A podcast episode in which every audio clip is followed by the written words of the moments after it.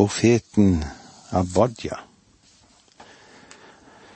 Det er eh, kanskje veldig sjelden vi stopper opp for dette lille skriftavsnittet, men det er òg en viktig del av Guds ord.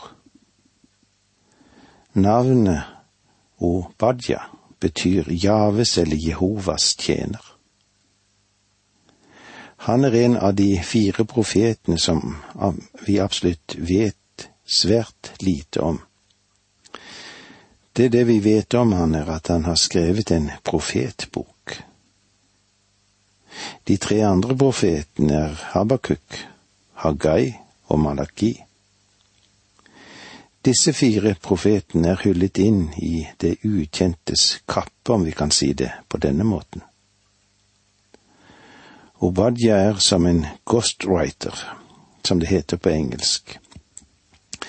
Og på norsk har vi det kanskje slik at det er en som skriver taler for andre og om andre.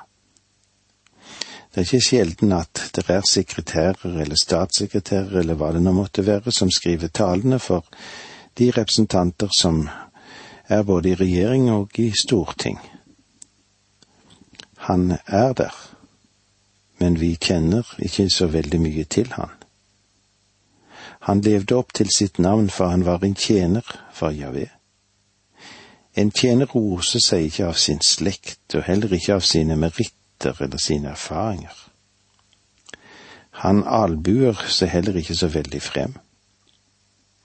Han må demonstrere gjennom det han gjør at han virkelig er en tjener. Så Abodja er bare en profet som skrev en av de store profetbøkene i Skriften. Og det ser ut til at Gud har villet at hans navn alene og den korte profetboken skulle bli kjent for verden. Obadia er bare en liten bok, som vi har sagt. Men eh, det skal du òg legge merke til her, at det er et eksempel på en atombombe i Bibelen. Den er liten, men den har en sprengkraft i seg, et budskap med sprengkraft. Boken er i hebraisk og kirkelig sammenheng en kanon i den fjerde rekken av de små profetbøkene. Mens hvis vi ser inn i Septuagintia, kommer den på femteplassen. Og som vi har sagt, så inneholder denne boken bare noen få vers, 21 vers. Om bokens forfatter så vet vi som sagt svært lite utover navnet hans. Men eh, han har mye felles med en rekke andre i Det gamle testamentet.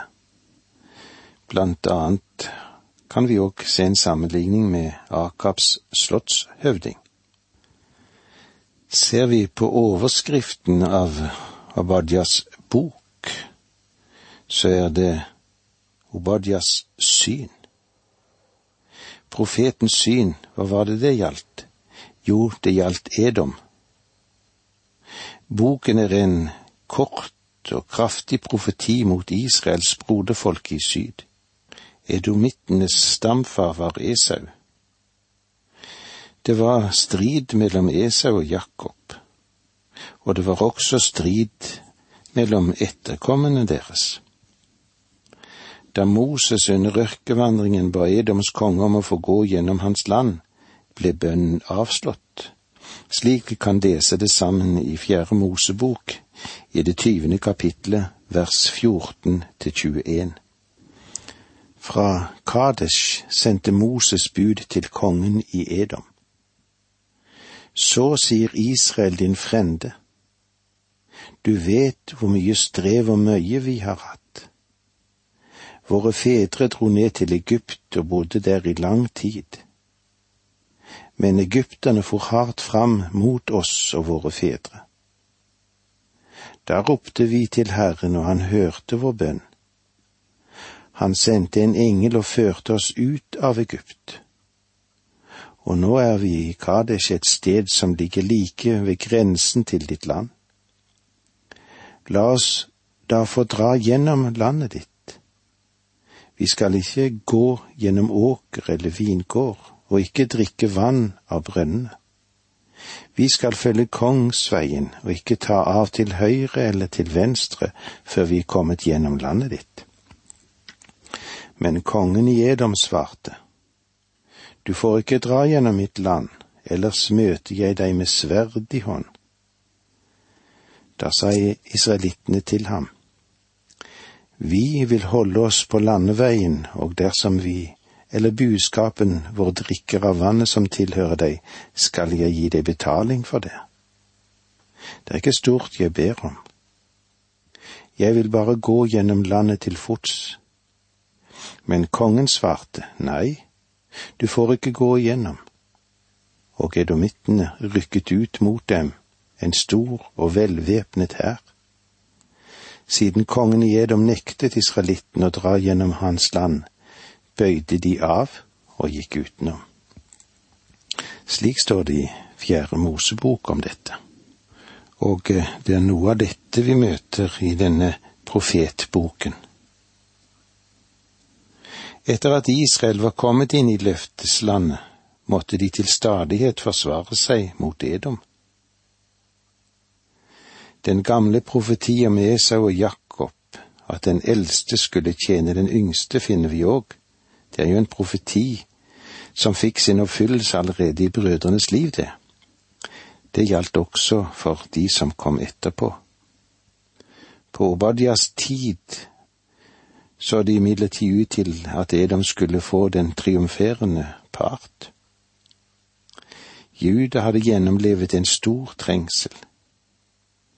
Jerusalem var blitt røvet av fremmede folkeslag og i stedet for å komme Juda til hjelp, eller i alle fall forsøke å vise en form for medfølelse med ulykkelige folk, hadde Edom lagt for dagen stor skadefryd. Ja, de hadde endog til deltatt i plyndringen av den erobrede byen. Og ikke nok med det, de røvet til seg av de kostbarhetene som fantes der, og overgitt de flyktende jødene til fienden. Som eh, straff for dette forkynte Obadias nå Guds dom over Edom. Det skulle kues, og folket, ja, det skulle utryddes. Denne profetien, den gikk i oppfyllelse. Under makabeerne ble domittene underlagt av jødene, de ble undertvunget av jødene. Og senere, hva skjedde? Jo, de forsvant fullstendig som folk. I dag står bare hovedstaden Petras praktfulle ruiner tilbake som et vitnesbyrd om fordums storhet. Til slutt i sitt skrift så vender Obadjas seg til sitt eget folk og taler Guds trøstord til det. Jakobs hus skal bli stående. Fiendens dag er avløst av Herrens dag. Og hele den siste delen av Obadias profeti, ja, det er en herlig fremtidssyn, det, om Guds rike og den endelige seier som vil komme. Det er nok slik at Guds folk kan underkues og forfølges, men seieren er allikevel viss. Riket, det skal høre Herren til. Dette vil vi komme mer inn på etter hvert som vi beveger oss inn i denne lille profetboken, dommen over Edom, som vi vil se, og om Israels gjenopprettelse. Men det var så langt vi kom i dag. Takk for nå må Gud være med deg. Dette undervisningsprogrammet består av to deler. Åge Nevland fortsetter nå med andre del av dagens undervisning. Vi er nå tilbake i Det gamle testamentet. Vi er kommet til den minste boken i Det gamle testamentet, Obadjas profeti, eller profeten Obadjas. Det er lite informasjon om denne profeten, men han profeterte antagelig en tid for eh, Jerusalems fall, ca. 500 år før Kristus. Det er litt vanskelig å si nøyaktig hvordan dette foregår, og vanskeligheten når det gjelder Obadias profetbok, er hvor den passer godt inn i historien. Det er noen som forsøker å plassere denne boken i 887 år før Kristus. Den eh, blir da plassert i tiden under den blodige regjeringskrisen til kongene Joram og Akasha, som vi kan se om i annen kongebok i det åttende kapitlet der. Andre de plasserer bok under Josefats regjeringstid, slik som vi kan se det i annen krønikerbok. Selv om navnet Obadja forekommer i dette verset, så var det et vanlig navn på den tiden, og det er kanskje ikke så sannsynlig at det var den samme Obadja. Og så har vi en tredje gruppe da som antyder at boken er skrevet ca. 587 år før Kristus og her antydes det da at Abodja er samtidig med Jeremia. Hele dette spørsmålet synes å henge på vers elleve i boken. Den dagen du holdt deg borte, den dagen fremmede røvet hans gods, da utlendinger gikk inn i hans port og kastet lodd om Jerusalem, da var også du som en av dem. Enten ble dette skrevet som en profeti før det hendte, eller som et historisk utsagn etter at det hendte. Og så kan vi vel si kanskje da at den naturlige tolkningen er selvfølgelig å se på det som historie fremfor profeti. Som dermed plasserer dateringen av Obadjas profeties, den burde være omkring 587 år før Kristus etter det babylonske fangenskap og under den samme epoke som profeten Jeremia. Men eh, la meg få lov til å eh, se litt mer på dette spørsmålet hvilken tid Obadias har levd og virket i. Det kan jo avhenge av hvilken erobring av Jerusalem som det siktes til i boken som jeg sa litt tidligere. Flere tolkere har pekt på arabenes og filisternes overfall på Juda under kong Joram som bakgrunn for denne boken som vi er inne. Dette skjedde også kort tid etter et brudd mellom Edom og Juda. Er denne antagelsen riktig, så kan vi vel si at Obadias er en av de eldste av de samtlige skriftprofeter. Til støtte av dette så kan han se i Joel i det tredje kapittel der og vers fem. Det skal være en flokk av unnkomne. Det har en viss sammenheng med det tilsvarende som vi ser i det syttende verset her i Obadjas bok.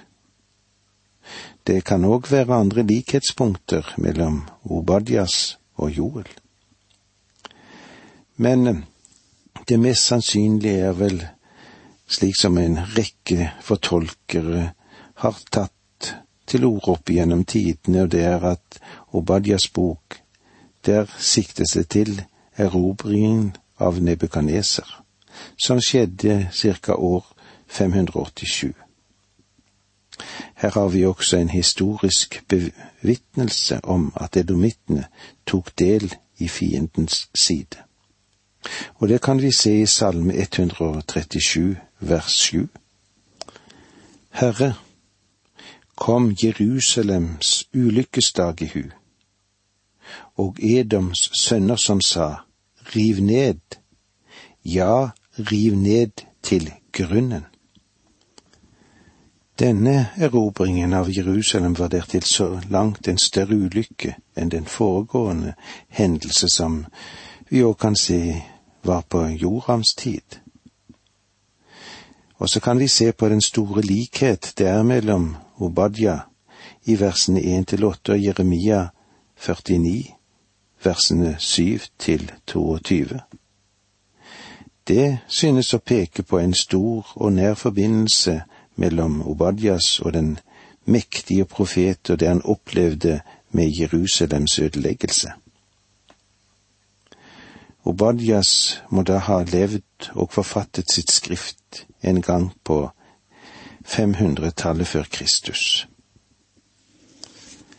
Hvis vi vil se på et lite nøkkelvers om det lille kongedømmet Edom som er tema for denne korte profetboken, så vil vi der se i vers seks og hvor Esau er blitt ransaket, hans skjulte skatter oppsporet. Hvis vi forsøker å gå inn i en, skal vi si, en innholdsoversikt, så vil vi dele den i to deler. Edom ødeleggelse og Israels gjenopprettelse.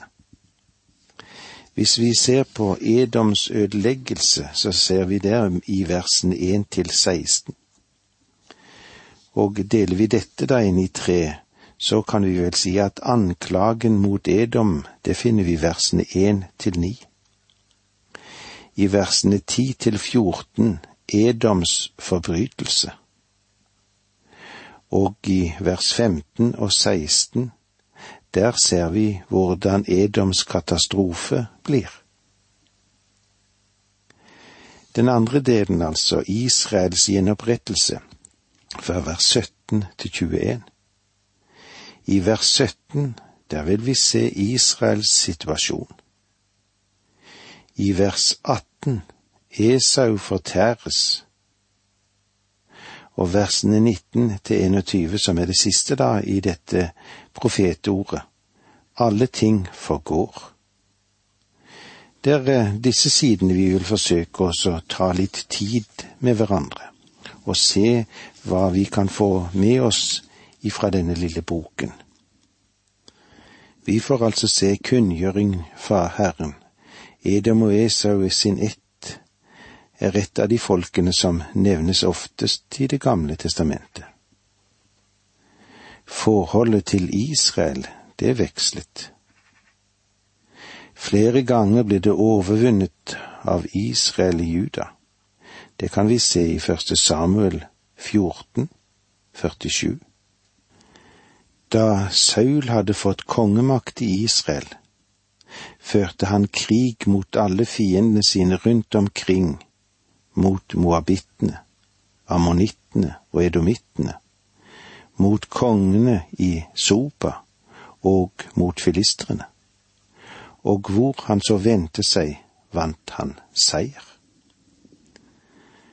Og vi kan òg se i annen Samuels bok, i det åttende kapittel der, vers 13 og litt utover. David vant stor ry da han vendte tilbake fra seieren fra arameerne, slo han edomitten i Saltdalen. De var 18 000 mann. Han la vaktmannskap i Edom. Det gjorde han i hele Edom. Alle edomittene måtte gi seg inn under David. Slik hjalp Herren David overalt hvor han dro fram. Vi vil òg ta med litt ifra første krønikebok i det fjerde kapitlet der, versene 41 og utover litt. På den tid Hisikia var konge i Juda, kom de som her er skrevet opp med navn. De gikk løs på kamfolkene og menuittene som de fant der, og slo dem med bann. De bosatte seg der i landet og bor der den dag i dag, for, var, for der var det beite for sauene deres. Noen av Simons sønner drog til Seirfjellene. Det var 500 mann under ledelse av Pelatja, Nearja, Refaya og Usiel, Jesjes sønner. De sto i hel resten av de amalekittene som hadde sluppet unna. Så bosatte de seg der og bor der den dag i dag. Og det er mange av disse sidene som vi får lov til å være vitne og få kjennskap til gjennom Obadja. Stundom støttet de Judea, men oftest var de fiendtlige. Edomittenes land var i fjellområdet sørøst for Dødehavet, med byer på toppen av bratte fjell og dype kløfter. Så det er disse tingene vi skal ta for oss når vi går videre inn i profeten Obadja. Takk for nå, må Gud være med deg.